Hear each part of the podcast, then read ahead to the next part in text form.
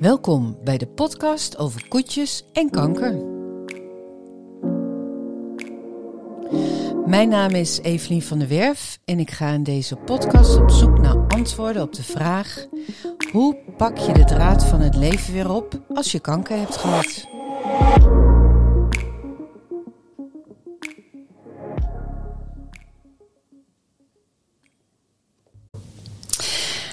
Bij mij aan tafel zit vandaag uh, Brian de Hond van Stichting Comma. Welkom Brian. Dankjewel. Wat leuk dat je er bent. Leuk dat ik er mag zijn. Uh, in 2020 heb je samen met je broer Michel Stichting Comma opgezet, opgericht. Wat doet die stichting? Uh, wij maken videoportretten van uh, uitbehandelde ouders voor hun ja, minderjarige kinderen. Uh, zodat ja, we op die manier de ouders laten voortleven en de kinderen later via die portretten hun inmiddels overleden ouder kunnen leren kennen. En wat is de reden dat je. Hoe kom je op, op zo'n idee? Nou, dat is een, uh, een wat langer verhaal. Mijn, Vertel, uh, we mijn, hebben alle tijd. Ja, uh, mijn halfbroer was Mark de Hond. Mm -hmm. En ik zeg halfbroer omdat wij een andere moeder hadden. Wij hebben dezelfde vader. en zijn moeder is overleden toen hij drie en mijn andere broer één jaar oud was. Mm -hmm. en ja, mijn, mijn, mijn broers die hadden dus eigenlijk, ja, eigenlijk niks van haar. Wel uh, foto's en een heel klein cassettebandje waarop een persoonlijke boodschap voor hun uh, stond. Maar dat, ja, dat duurde misschien maar een minuut of zo, dat, dat, dat bericht. En uh, een paar jaar geleden werd mijn broer ziek. Er werd bij hem ook kanker ontdekt. en ja, hij besloot eigenlijk voor zijn twee jonge kinderen, mijn neefje en nichtje, uh, zichzelf te laten interviewen op heel veel verschillende momenten door heel veel verschillende mensen. Zodat uh, ja, later als zij groot waren, of uh, als zij groot zijn, zij via die, die, die videoportretten, via die interviews hem via zijn eigen woorden kunnen leren kennen. Um, ik heb de laatste paar maanden van Mark's leven bij, bij hun in huis gewoond en ook van dichtbij meegemaakt hoe die videoportretten werden gemaakt.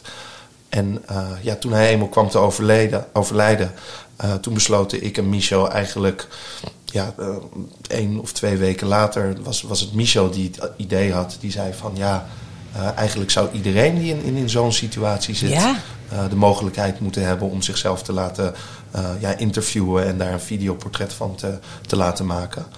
Um, ja, binnen een uur stond het plan voor, voor de stichting op papier. En ja, daar zijn we ongeveer drie maanden mee bezig geweest om dat helemaal uit te werken.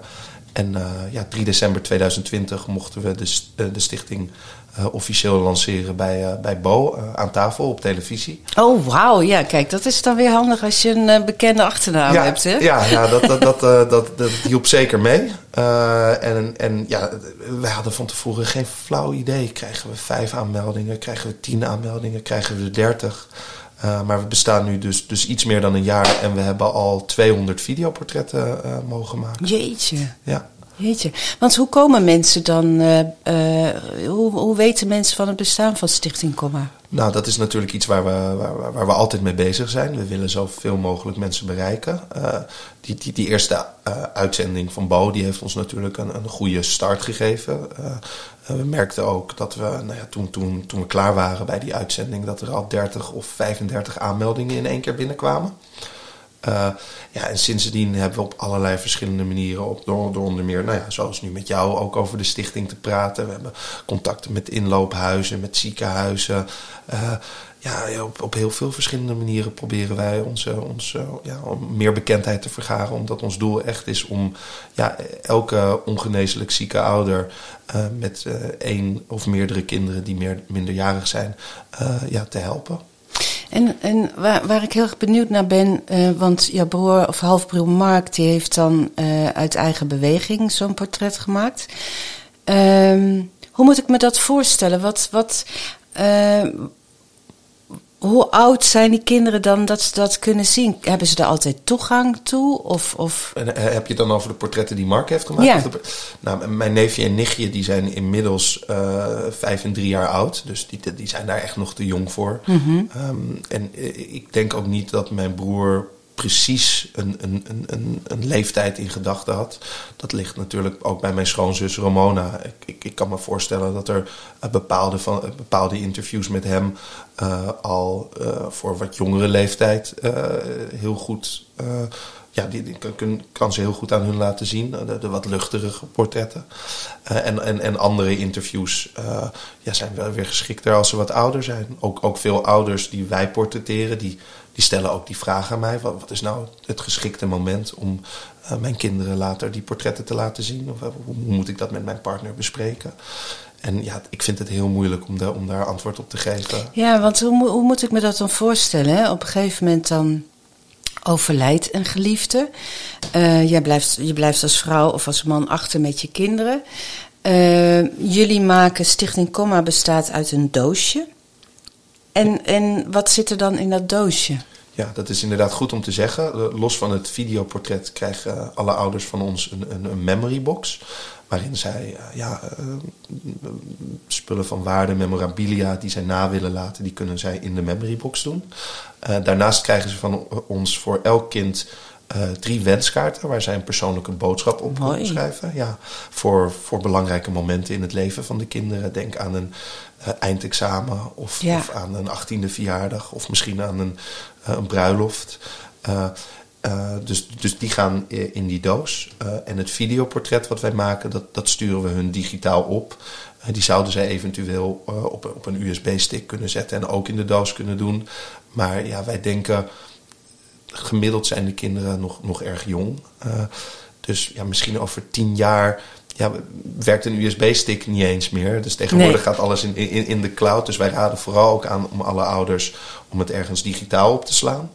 Uh, en daarnaast bewaren wij ook alle portretten op onze server. En laten we de ouders een contract uh, tekenen waarop staat. Uh, allereerst dat wij helemaal niks met de videoportretten kunnen doen. Dat, dat willen we natuurlijk ook niet, maar dat leggen we op die manier vast. en daarnaast kunnen ze op de contracten invullen wie later de portretten op mag vragen. Mocht er om wat voor reden een, een, een duplicaat nodig zijn, dan kan dat ook altijd. Jij vertelde voor, voordat we het, dit het gesprek aan gingen doen. Over dat je de laatste maanden van Marks leven bij hem in huis hebt gewoond. Mm -hmm. heeft hij ook op het allerlaatste moment, zeg maar vlak voor zijn overlijden, nog iets gezegd? Of is dat te privé? Um, nou, nee, nee hoor, dat is niet, niet, niet te privé. Um, ja, vlak voor zijn overlijden, uh, ja, dat is zo um, geleidelijk en uiteindelijk toch ook wel heel snel gegaan. Maar de, de, laatste periode was hij gewoon heel, heel erg verzwakt. Maar hij heeft wel tot letterlijk twee dagen voor zijn overlijden... heeft hij nog uh, aan zijn boek gewerkt. Uh, ja. En de, de laatste Prachtig boek trouwens. Ja, dat, uh, dat vind ik ook. Ja. en de, de, laatste pagina's van, van zijn boek... kon hij, had hij zelf de kracht niet meer voor om, om zelf op te schrijven. Dus die heeft hij ook aan aan mij gedicteerd. Um, maar ja, als je op zoek bent naar echt, echt laatste woorden. Nee, wat, wat ik me. Kijk, uh, je ziet natuurlijk ook iemand aftakelen, zeg maar. Ja, het is nou eenmaal zo. Als je doodgaat, je gaat niet op je allerbest dood. Dus ik kan me ook voorstellen dat mensen die overwegen om een portret te laten maken, denken.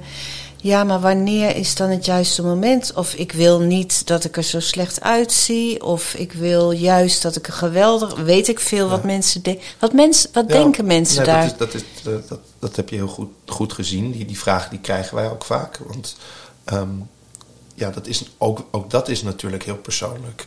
Um, wij raden eigenlijk aan en, om het uh, te doen als je je nog goed genoeg voelt. Als je je ja, inderdaad, zoals je zelf ook zegt, er nog, nog uitziet zoals je, uh, wil. Ja, als je wil. Um, maar wij snappen ook dat het confronterend is. dat het spannend is om, om, om een portret te laten maken. Dus we zien helaas ook vaak dat, dat ouders toch langer wachten dan dat ze eigenlijk zelf hadden gewild. En nadat we het portret hebben gemaakt tegen ons zeggen... ja, ik, ik had het eigenlijk eerder moeten doen. Mm -hmm. um, maar, maar ja, wat, wat, wat, en dat komt denk ik ook omdat, en dat klinkt misschien een beetje gek om te zeggen, maar uh, heel vaak eigenlijk zonder uitzondering zeggen ouders ook dat ze nou, van tevoren spanning uh, ervaren. Maar als we eenmaal klaar zijn, dat ze zeggen dat het vooral als een heel fijn, uh, dat ze het als een heel fijn gesprek hebben ervaren. En dat, dat komt denk ik omdat ja, onze insteek is echt om, om, om iemand in, in zijn of haar kracht te zetten. En de gesprekken gaan ook voor ja, 90% over het leven en misschien 10% over, de dood. Dus het is echt heel erg belangrijk dat het, dat het een gesprek wordt. Het is niet een, een interview waarbij wij al een, een vaste set aan vragen hebben. Uh, elk, mens is anders, dus, dus elk gesprek wordt, wordt ook anders. En ja, daarom horen we heel vaak als, als we eenmaal klaar zijn met de opnames... Uh, ja, nogmaals, dat ouders zeggen: ja, als, als ik had geweten dat, dat, het, ja, dat het zo was, dan had ik het eigenlijk eerder uh, moeten doen. Dus ja, het, het, correcte moment is voor iedereen anders. Er is niet echt een juist moment, maar wij raden wel altijd aan om uit ervaring om het ja, eigenlijk zo, zo snel mogelijk te doen. Ja, want weet je wat ik me ook kan voorstellen, zit ik me ineens te bedenken. Uh, op het moment dat uh, iemand die weet, ik, ik ga binnen, nou ja, niet zo'n lange tijd ga ik dood. Uh, op het moment dat ze jou bellen om te vragen om een portret, dan is dat ook definitief, hè? Ja, ja. Dan nee. kan je daar ook niet meer omheen. Nee, nou ja, kijk, het is in, in die mate definitief dat het ook best wel vaak voorkomt dat op, op de dag zelf of een dag van tevoren het portret wordt verschoven omdat iemand geen goede dag heeft ja. of een minder goede dag heeft. En daar is natuurlijk ook alle ruimte voor, dat begrijpen wij volledig. Um, maar het is inderdaad, ja, dat maakt het het confronterende op ja. het moment dat je zegt: Oké, okay, ik wil dat jullie langskomen om een, ja, een portret over mij, over mijn leven, voor mijn kinderen te maken. Ja, dan, dan gaat er wel vaak in, in, ja, in het hoofd toch een bepaald knopje om. Maar ook daar zitten weer twee kanten aan. Want we horen ook heel erg vaak dat ja, als het eenmaal klaar is, dat er daarna een bepaalde mate van rust uh, over de ouders uh, ja, he heen valt. Omdat ze toch op verschillende manieren bezig zijn met nalatenschap. En ja, als het eenmaal opgenomen is, dan, dan, dan is dat er voor altijd. Uh, dus ja, het kan zeker ook uh, rust geven. Ja, dat kan ik me inderdaad ook best wel voorstellen. Ja. Hey, we hebben het over de dood. Ik denk niet dat er echt heel veel luisteraars zijn die denken: Goh, laat ik ook eens werk gaan doen ja. rondom de dood. En jij bent pas 38. Ja. Wat trek je daarin aan? Ja, goede vraag. Ja, ik denk dat het gewoon uh, op mijn pad is gekomen op, op, een, ja, op een hele bijzondere manier. Door, ik, ik, ik heb mijn hele leven heel veel verschillende banen gehad. Ik heb bij de televisie gewerkt. Ik heb een. Uh, ik ben Als twee, wat? Uh, redactie, productie en uiteindelijk itemregie. Um, leuk. Ja, dat was ook heel leuk. Maar op een tijdje was ik er ook wel weer klaar mee ik heb twee verschillende start-ups ben ik begonnen die alle twee hopeloos ge gefaald zijn. nou, dat ken ik ook. Ja, ja. uh, maar daar heb ik ook veel van geleerd. Um, en ja, eigenlijk de laatste vijf, zes jaar uh, zijn er op verschillende manieren mensen die heel dicht bij mij staan of stonden ja, hebben kanker gekregen. Uh, eerst uh, mijn eigenlijk oudste jeugdvriendje, die ik al sinds, uh, sinds ik drie jaar oud ben ken. ja, die is daar gelukkig van genezen. daarna mijn, mijn toenmalige vriendin. Um, die is gelukkig ook genezen. En daarna mijn broer. Um, en ja, ik, ik ben daar dus heel erg dicht mee in aanraking gekomen. Um, Zeker natuurlijk met de, de laatste twee maanden van, van mijn broers leven. Uh, en ja, toen het idee voor de stichting ontstond, toen was het eigenlijk voor mij gelijk duidelijk dat ik dat wilde doen. Want ik, ik, ik was al heel erg bezig met wat ik nou wilde gaan doen. Ik, weet niet of het een, midlife crisis of een quarterlife crisis of hoe je het wil noemen. Maar ik zat wel al heel lang na te denken dat ik misschien toch iets meer. Um, ja, ja, niet langer per se een commerciële functie wilde. wilde ja, ergens richting, ja, toch richting de zorg of meer maatschappelijk. Ja, en dit, dit, van het moment dat we het bedachten paste gewoon zo goed. Enerzijds doordat ik denk de professionele achtergrond heb, die uh, zeker vanuit de televisie, uh, die mij heel goed hierin kan ondersteunen. En daarnaast ja, de, de persoonlijke achtergrond. Uh, ja. Dus ja dat, ja, dat viel gewoon allemaal op zijn plek. En ja, we zijn inmiddels 14 maanden bezig. En ja, het is denk ik het meest dankbare beroep wat ik me, wat ik me voor kan stellen. Ja, want wat heeft het je gebracht? Ja, het, ja uh, zoveel uh, verschillende dingen. allereerst kijk, nogmaals, de reden dat wij langsgaan bij mensen is, is altijd in en in verdrietig. Maar gesprekken zijn zonder uitzondering heel erg warm, open, inspirerend. Je ontmaakt, ontmoet ja, de een, je ontmoet, want kanker discrimineert natuurlijk niet. En nee, ik denk gelukkig niet. Gelukkig niet. en ja, 95% van de ouders die wij portretteren, die, ja, die komen te overlijden uh, door kanker, aan kanker. Um, dus je, je, ontmoet echt allerlei soorten mensen. De ene dag ben je in een klein studiootje ergens in Den Haag. En de andere dag ben je in een enorme eh, woonboerderij in, in, in Noord-Brabant. En dan.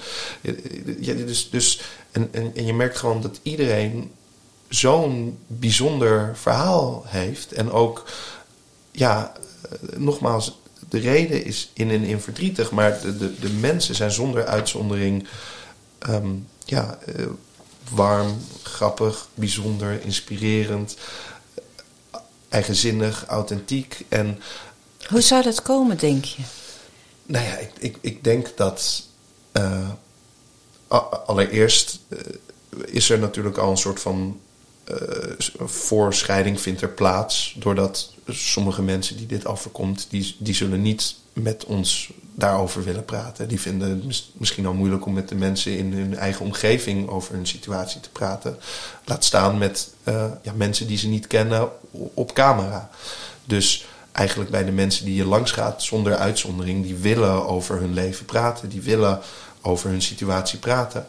En daarom voelt het ook eigenlijk altijd meer als een heel goed gesprek met iemand die toevallig, klinkt een beetje gek, maar ik hoop dat je begrijpt wat ik bedoel, die toevallig in deze situatie zit, dan echt een, een soort van uh, ja, uh, gesprek uh, bij iemand aan, aan zijn sterf, sterfbed, om mm -hmm. het zo mhm. maar te noemen. Je, mm -hmm. ja, we bespreken echt het hele leven. We beginnen vaak helemaal bij het begin. Waar, waar is iemand geboren? Uit uit wat voor gezin kom je? Hoe, hoe, zag je jeugd eruit? Weet je nog wat je vroeger later worden wilde? Nou, wat uh, gaaf. Ja, haalde je veel kattenkwaad uit?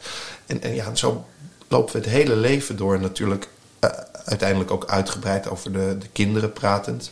Zeker als er meerdere kinderen zijn, is het ook heel belangrijk dat het ongeveer even lang over alle kinderen gaat. Maar ja, echt alles om zo'n zo'n compleet mogelijk beeld van iemand te, te creëren. En ja, omdat wij niet echt een vast doel hebben, wij, we luisteren gewoon en, en, en ja, het gesprek gaat daarheen wat belangrijk is voor de ouders, is dus ook elk gesprek totaal anders. De ene keer ben je met iemand 40 minuten aan het praten over zijn, zijn passie voor U2. Uh, oh, ja, ja, en de andere die, die, die, neemt, uh, die neemt je mee op zijn meest mooie fietstochten of hoe, hoe ze de, de Mont Ventoux beklommen hebben. En de, de ander uh, de, sommige ouders willen heel graag ook over de ziekte praten. Andere ouders ja, juist absoluut niet. En daar is natuurlijk helemaal niks goed of fout in. Het, het gaat er juist om dat, dat elk gesprek een, een ja, uniek is en, en, en, uh, ja, en eigen. En dat, ja, dat, dat maakt het gewoon heel erg, heel erg bijzonder. hey, en ga rijd je ook wel eens naar huis dat je denkt: wow. Um, heftig of, of, of, of juist uh, wat mooi dat ik dit op deze manier. Uh, ja, dit is voor mij eigenlijk een eye-opener. Of dat je er iets van hebt geleerd. Of... Ik, ik denk dat ik. Um, ik denk dat er haast geen portret voorbij gaat, geen, geen gesprek voorbij gaat waar, waarin ik niet iets van leer. Want ja, je gaat het uiteindelijk. Eh, er is een hele duidelijke balans, denk ik. Zeker als je het bijvoorbeeld over de jeugd hebt. Dan is het vaak wat luchtiger. Nou, soms ook niet, want sommige mensen hebben natuurlijk ook een hele zware jeugd gehad waar ze het over willen hebben. Um, maar gemiddeld genomen is, is, is dat een wat ja, de uh, wat, wat, wat, meer luchtige kant van, van het gesprek. En dan hoe meer je verder in het leven gaat, hoe, hoe, hoe zwaarder het vaak wordt. En zeker ook natuurlijk als we de ziekte bespreken. Maar daarin komen bijna altijd ook wel levenslessen naar voren. En uh, de keuzes die mensen hebben gemaakt. En vooral ook waarom ze die keuzes hebben gemaakt. En ja, en, en, en daar, uh, ja, daar zit vaak zoveel wijsheid in. Dus uh, ja, er gaat eigenlijk geen gesprek voorbij. dat ik niet denk van, jeetje, zo had ik nog niet over dit nagedacht. Of, of, of wat bijzonder hoe, hoe, deze uh, vader of moeder met, met zijn of haar situatie omgaat. En, en wat ook heel vaak gebeurt is dat we niet alleen de ouder portretteren, maar dat er bijvoorbeeld ook een broer of zus bij komt zitten, of, of, of een partner, of een, of een beste vriend of vriendin. Daarin kan, ook, kan ook doorgewisseld worden. Dus bijvoorbeeld als we de jeugd bespreken, dat er een, uh, een broer of zus erbij komt zitten. En als we het over de studietijd hebben, een vriend uit die tijd. En als we het over ouderschap hebben, dat er dan de partner bij komt zitten. En ook daarin kan je, kan je heel veel van leren als, als ouders praten over ja, hoe zij hoe zij samen zijn en ook hoe zij samen de, de deze situatie uh, doorstaan en meemaken en hoe ze nu hun leven inrichten. Ja, dat, dat is gewoon zo uh, bijzonder en, en, en, zeker ook leerzaam. Ja. Hey, en um, hoe, want ga je met iemand, ga je met een cameraman? jij, jij doet echt een, een soort interview. Ja. Of soort, je, je, neemt een, als het ware, je, je hebt een gesprek en je stuurt, uh, of je, je leidt iemand eigenlijk uh, door zijn eigen leven heen, uh, hè, wat je net zei. Ja. Um, dus dan heb je een cameraman erbij. Want ik kan me ook voorstellen, het zijn natuurlijk ook mensen die heel erg moe zijn. Mm -hmm. Uh, hoe lang neem je daar meestal de tijd voor? Uh, wij zeggen altijd van tevoren, na, na de aanmelding, uh, mensen kunnen zich aanmelden via onze website www.stichtingkomma.nl. daarnaast nemen wij altijd gelijk telefonisch contact op. en, en daarin geven wij ook aan dat er, er zit geen tijdslimiet op. Wij, wij gaan pas weg als het voor, voor de ouder voelt alsof het klaar is. Um, maar gemiddeld genomen zou ik willen zeggen dat een gesprek ergens tussen de anderhalf en de twee uur duurt. Maar er zijn ook, uh, er hebben ook portretten tussen gezeten uh, die, uh, waarbij de ouders al zo verzwakt waren dat, dat, dat het misschien maar een kwartier of twintig minuten zij nog de energie hadden. Um, maar we hebben ook wel eens met iemand vier en een half uur gepraat en toen waren we nog niet klaar. En toen, toen zijn we de volgende dag teruggekomen. Dus ja, dat, dat, dat hangt echt heel erg van de persoon en de, uh, de situatie af. Maar gemiddeld genomen zou ik zeggen anderhalf tot twee uur. Hey, wat ik me ook afvraag, ben je nou, nou zelf anders naar de dood gaan kijken? Um, ja, ik denk dat je daar niet aan ont ontkomt. Uh, ik denk dat dat al begonnen is natuurlijk door, door, door mijn broer. Um, uh, maar ja, als je dagelijks uh, met mensen spreekt, jonge mensen, de, de, de, leeftijd is omdat het vaak ook jonge kinderen zijn, ligt ook vaak in nou ja, de, buurt van mijn eigen leeftijd. Dus je wordt daar gewoon uh, mee geconfronteerd op, op dagelijkse basis. En ja, het, het is misschien een cliché, maar ja, ik, de, de, dood hoort gewoon bij het leven. Um, ja. ja, en het is ook wat, uh, wat, wat het leven waarde geeft. Als, als, we, ja, als je niet, uh, ook dat is een cliché, maar als je niet zou komen te overlijden, dan, dan zou het leven eindeloos zijn. En waarom zou je ja, dan. moet je toch ook niet aan denken? Ja, dat is verschrikkelijk. Waar, waarom zou je dan, ja, waarom zou je dan überhaupt iets doen? Want dat ja. kan dan altijd morgen. Ja. Uh, wil niet zeggen dat het natuurlijk verschrikkelijk is uh, als, als je zo jong uit het leven gegrepen ja. wordt. Maar ja, het, het, zet je wel aan het denken dat het zomaar voorbij kan zijn. En ja, ik, ik, spreek vaak genoeg ouders die zeggen, en dat vind ik zelf wel een, hele krachtige en mooie manier om er naar te kijken. Die zeggen niet waarom ik nou, maar die zeggen ja, waarom ik niet. Mm -hmm. uh, ja, het overkomt mensen en het is wel een beetje gek om ervan uit te gaan dat ik dan om wat voor reden gespaard zou blijven. En ik denk dat dat wel een hele realistische manier is om, om, om er naar te kijken. Dus ik, ik denk dat als ik voor mezelf spreek, dat ik zeker. Was nooit echt, echt bang voor de dood, maar ik denk dat ik dat nog, nog minder ben geworden. Het, wordt gewoon. Klinkt misschien gek, maar ja, het, wordt normaler. En, en, en, ja, ik denk ook dat dat zo, ja, zo, zo is. hey, en uh, wat ik me ook heel erg afvraag, ik heb dat boek gelezen van uh, The Five Regrets of the Dying. Mm -hmm. He, de, dat, uh, een hospice-medewerkster uit Australië heeft een prachtig boek geschreven als ter waarschuwing aan de levenden. Van uh, denk eens goed na, uh, leef je wel je eigen leven? Ja. Doe je wel waar je gelukkig van wordt? Ga je wel voldoende met je vrienden om? Um, merk jij dat ook wel eens bij gesprekken? Dat, je, dat er mensen zijn van, oh, had ik maar. Nou, dat, zoals ik daarnet ook al zei, we, we gaan eigenlijk altijd, komen we linksom of rechtsom wel uit op levenslessen. Soms vraag ik daar ook specifiek naar, maar eigenlijk gaat het gesprek daar automatisch eh, Ja. aan het einde van het gesprek wel naartoe. Wat, wat wil je kinderen ook meegeven? En Wat willen mensen trouwens hun kinderen nou ja, meegeven? dat, dat, daar, ik, ik zou er wel een, een, een top 5 in mijn hoofd van kunnen maken. Maar la- laat, laat ik zeggen dat op met, met afstand op nummer 1, en wat ik zelf niet had verwacht, ik, voor, voordat we dit begonnen, dacht ik dat zou misschien zijn van ja, zeg vaker om de mensen om je heen dat je om ze geeft. En, eh, eh, maar, maar, maar eigenlijk echt met afstand op nummer 1 is doe werk wat je leuk vindt. Wauw. Ja, ja het is echt. En waarom doen mensen dat dan niet? Nou ja, dat, dat, dat, vaak doen mensen dat ook wel. Maar je hoort het gewoon op heel veel verschillende manieren. Of mensen zeggen, nou, ik heb twintig jaar deze baan gehad. Eigenlijk me altijd niet zo... Op ja, altijd wel gemerkt dat ik iets anders wilde. En toen heb ik een hele grote stap gemaakt. Ben ik geswitcht. En dat was de beste beslissing in mijn leven. En ja, helaas werd ik een paar jaar later ziek. En had ik dat maar eerder gedaan.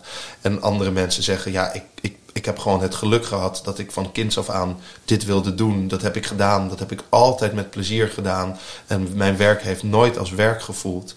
Uh, dus ja, echt op verschillende manieren komt dat eigenlijk, ik zou willen zeggen, bij 80% van de ouders komt dat echt als, als nummer één advies naar de kinderen. Zorg ervoor dat je werk doet wat je leuk vindt. En wees ook niet bang als je iets doet waar je je niet meer zo, zo blij voelt.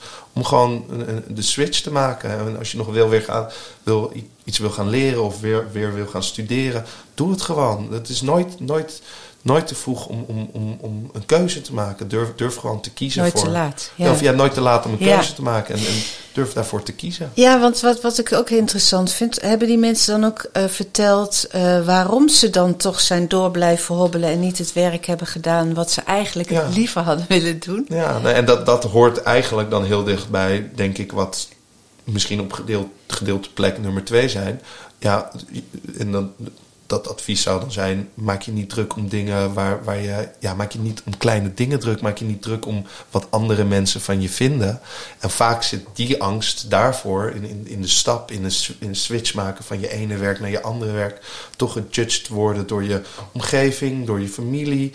Eh, ja, en ook dat, als je zo dicht bij de dood eh, komt, ga je inzien dat, dat dat eigenlijk helemaal niks uitmaakt. eh, wat, wat, wat andere mensen van je vinden. Ja, mensen vinden toch wel wat van je. Mensen vinden toch wel, ja, misschien wel de mensen die heel dicht bij je staan, eh, natuurlijk. Het is belangrijk dat je, niet, dat je daar niet totaal blind voor wordt en dat je ook daarmee communiceert, natuurlijk. Maar ja, gewoon die angst om, om, om een, een radicale beslissing te nemen in je leven, omdat je door mensen die eigenlijk niks voor je betekenen gejudged gaat worden. Ja. dat, ja, dat is eigenlijk heel vreemd. Ja, nou en nummer drie? Nummer drie. Ehm, ja, wat zou nummer drie zijn? Moet ik even goed over nadenken. Ja, of drie, vier, ja, vijf. 3, of- 4, 5. Nou ja, ik, ik, ik, ik denk toch wel, en ik zei daarnet dat ik van tevoren had verwacht dat dat op nummer 1 zou staan. Maar wel, ja, die, die komt dan wel op plaats 3, 4, 5. Gewoon spreek vaker uit wat je voor mensen voelt, wat je voor mensen vindt. Mhm. Eh, wees niet bang om, om, om, om, om, om te geven, om, om, Om je kwetsbaar op ja, te om je stellen. kwetsbaar op te stellen. Eh, het heeft misschien ook weer met twee te maken. Eigenlijk hangt het natuurlijk allemaal eh, samen met elkaar. Ehm, vier hoor ik, wat we ook heel vaak horen, is ga reizen. Er zijn zoveel mensen die zeggen van ja, ik wilde. Eigenlijk heb ik zo vaak een kans gehad om, om dingen te zien die ik wilde zien, maar om bepaalde redenen toch niet te doen. Eh, dus als er nog iets op de bucketlist staat, dan, dan, dan is het vaak dat. Nog, nog, nog ja, dingen, eh, plekken bezoeken. En ehm, ja, vijf, of nou ja, drie, vier vijf ligt heel dicht bij elkaar. Is, is ook wel gewoon, los van het reizen, gewoon leuke dingen doen. Vaker ja zeggen in plaats van nee zeggen. Gewoon vaker, ook dat is natuurlijk weer een enorm cliché, maar niet, niet vanuit de angst keuzes maken, maar gewoon ja, eh, niet te veel nadenken over, over, over, over dingen. En het gewoon doen als je er zin in hebt en je er goed bij voelt. Ik denk dat dat zo uit mijn hoofd wel de, de top 5 zou zijn. Ja, nou dat, is, dat raakt heel erg inderdaad eh, wat die hospice-medewerkster ook vertelde in haar boek eh, eh, uit eh, Australië. dat inderdaad, uh, ja, wat grappig is dat toch, hè? Dat je, en dan kan je eigenlijk ook meteen afvragen, maar waarom doen mensen? Als je, want eigenlijk weten we dat ook wel. Ja. En toch doe je het niet. En daar zit dan inderdaad zoveel angst op. En want wat als? En stel dat. En ja, ik moet zeggen dat inderdaad, uh, als ik voor mezelf spreek, ik heb precies hetzelfde. Ik heb gewoon ook, uh, ik gooi regelmatig het roer om. Want wat heb, je, wat heb je eigenlijk te verliezen? Ja, als, je kan, als je kan zwemmen, kun je ook gewoon springen. Ja, dus je weet, ja. Dat vind ik een hele mooie. Ja, we, we, hadden inderdaad een paar weken geleden een prachtig portret van een, uh, van een moeder. En, en die zei, nou, dat zei ik misschien er net ook al, maar eigenlijk totdat je weet dat je ongeneeslijk ziek bent, kan je altijd kiezen. En je, en je moet je realiseren hoe een groot goed dat is. Dat je altijd kan kiezen. Je kan, eh, en keuzes kunnen ook verkeerd uitpakken, maar je kan altijd kiezen wat je morgen doet. Je kan altijd het roer omgooien. Je kan altijd je, je relatie uitmaken of doorgaan met je relatie, omdat er op dat moment nog geen eindtijd op zit. En pas als je uh, ja, te horen krijgt dat je nou, dat je tijd hier eindig is en dat je misschien nog maar een paar maanden te leven hebt, besef je hoe vaak je misschien een keuze hebt laten liggen. Puur en alleen omdat je ja, te bang was om die te nemen. En ja, dat, dat, dat is natuurlijk een hele, hele wijze levensles. Maar het is heel gek, want ik, ik hoor dit meerdere keren per week natuurlijk. En alsnog vind ik het ook. Het is voor iedereen moeilijk, denk ik. Het is niet alsof je, alsof je dat als dat eenmaal in je hoofd zit, dat je maar links en rechts die keuzes zo makkelijk maakt. Maar het is wel goed om je dat te blijven realiseren, denk ik. Nou, het is inderdaad als jij, eh, want ik heb daar, me daar enorm in verdiept, omdat ik zelf ook uh, natuurlijk, uh, of natuurlijk, hè, als magerijn aan je raam klopt en je niet weet of je de deur open moet doen, ga je ook heel erg nadenken van, ja, maar waarom, wat is dan eigenlijk mijn, mijn grootste verlangen nog? Stel dat ik mag blijven leven, wat is dan mijn allerdiepste verlangen?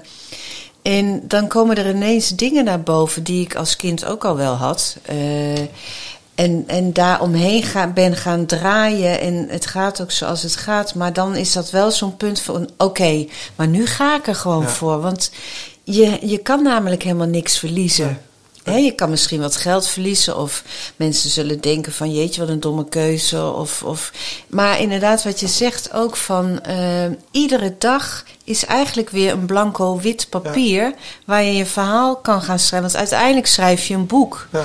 en iedere, iedere bladzij is een dag. Ja. En als je nou van tevoren gaat bedenken van hé hey, maar hoe wil ik dat deze dag eruit komt te zien? Ja, nou, maar dat, dat, dat, dat is precies wat het is. Een week of twee geleden hadden we een portret van een man. En die, uh, ja, die, die, wilde, die wilde heel graag, het klinkt als een heel, ook misschien weer een cliché voorbeeld, maar die wilde heel graag piano leren spelen. Maar die dacht op zijn twintigste, dacht ik, als ik nu piano ga leren spelen, dan duurt het nog vijf jaar, ben ik pas op mijn 25ste, kan ik piano leren spelen. En die heeft daar echt tien jaar lang, tot de, totdat hij eindelijk rond zijn begin dertigste besloot hij, en toen zich bedacht, ja, ja, maar als ik het nu doe, dan ben ik op, kan ik op mijn 35ste piano spelen. Als ik het niet doe, kan ik op mijn 35ste niet piano leren spelen. Dus hij had het al tien jaar voor zich uitgeschoven. Nou, toen is hij eindelijk begonnen met, met pianolessen. En dat pikte hij heel goed op. En twee, drie jaar daarna kon hij heel goed piano spelen. En, uh, het klinkt misschien als een, ja, een heel simpel voorbeeld. Maar hij zegt, als ik daar nu op terugkijk, waar, ik heb daar zo van genoten de laatste vijf jaar dat ik lekker kon piano spelen. En ik heb op mijn twintigste dacht ik, ja, ik had ik op mijn twaalfde moeten leren. En op mijn 23ste dacht ik, had ik op mijn twintigste moeten leren. En uiteindelijk ben ik eraan begonnen. Het is de beste beslissing geweest van mijn leven. En ja, zo ja. kan je, dat kan je op alles, kan, kan, je, kan je dat... Kan je dat uh, ja, en, en de moraal van het verhaal is natuurlijk dat je uh, vanuit een bepaalde prestatiedrang... Hè, je wil eigenlijk iets presteren, maar waar het uiteindelijk om gaat... is dat je iets gaat doen wat je heel erg leuk vindt. Ja. En, uh, en dan blijkt als je daarin oefent en dat daar beter in wordt... dan komt uiteindelijk een prestatie, als je dat zou willen, ja. komt dan vanzelf. Ja, maar ja, dat is het ook. Ik denk dat je je je niet moet focussen op, op, op, op, op, op het uiteindelijke doel. Het, als, als, je, als je de reis, ook dat is wederom natuurlijk weer een cliché, maar ja, clichés zijn ook clichés omdat ze vaak waar zijn. Ja. Als de reis mooi is, dan maakt het doel zelf ook niet, niet, niet zoveel uit, denk ik. Heb je wel eens nagedacht wat je zelf op dit moment aan je geliefde zou willen meegeven? Um, nou, gek, ja, gek genoeg. Ehm, niet heel erg concreet. Ja, als ik daar nu over nadenk, ehm, nou, is denk ik ook nummer één. Uh, wat ik daarnet ook zei, dat, dat, dat nummer één is. Uh, doe vooral, ja, zoek werk. hou je bezig met dingen waar je, waar je energie van krijgt. Ik heb zelf, nou, dat vertelde ik net ook, wel verschillende banen gehad die, die ik leuk vond. Maar er miste altijd wel iets. Ik had altijd wel het idee, ja, ik voel me niet helemaal op mijn plek. En nu ik me echt helemaal op mijn plek voel, voelt werken echt helemaal niet meer als werken. Precies. En, en, en ja, dat is zo'n fijn gevoel. Ik zie het ook aan je. Hè? Als je praat en uh, je ogen sprankelen. En dit is echt wat jij uh, op dit moment ja, moet dat, doen. En ik, ik, ik, sluit helemaal niet uit dat dat misschien in de toekomst op een andere manier zich vorm gaat geven binnen de stichting. Of misschien zelfs buiten de stichting. Maar ja, er is geen, letterlijk geen moment. En dat hoeft ook niet zo te zijn dat je nooit problemen hebt met je werk. Maar tot nu toe, elke dag sta ik met meer energie op dan, dan de dag daarvoor. Dus uh, ja, dat is gewoon heel, heel fijn. En ja, wat zou ik nog meer mee willen geven? Ik denk, uh, vind ik lastig. Ja, nou ja, ik ben zelf. Maar ja, dat hoef ik ook niet aan de mensen om me heen mee te geven, want die zijn eigenlijk allemaal hetzelfde.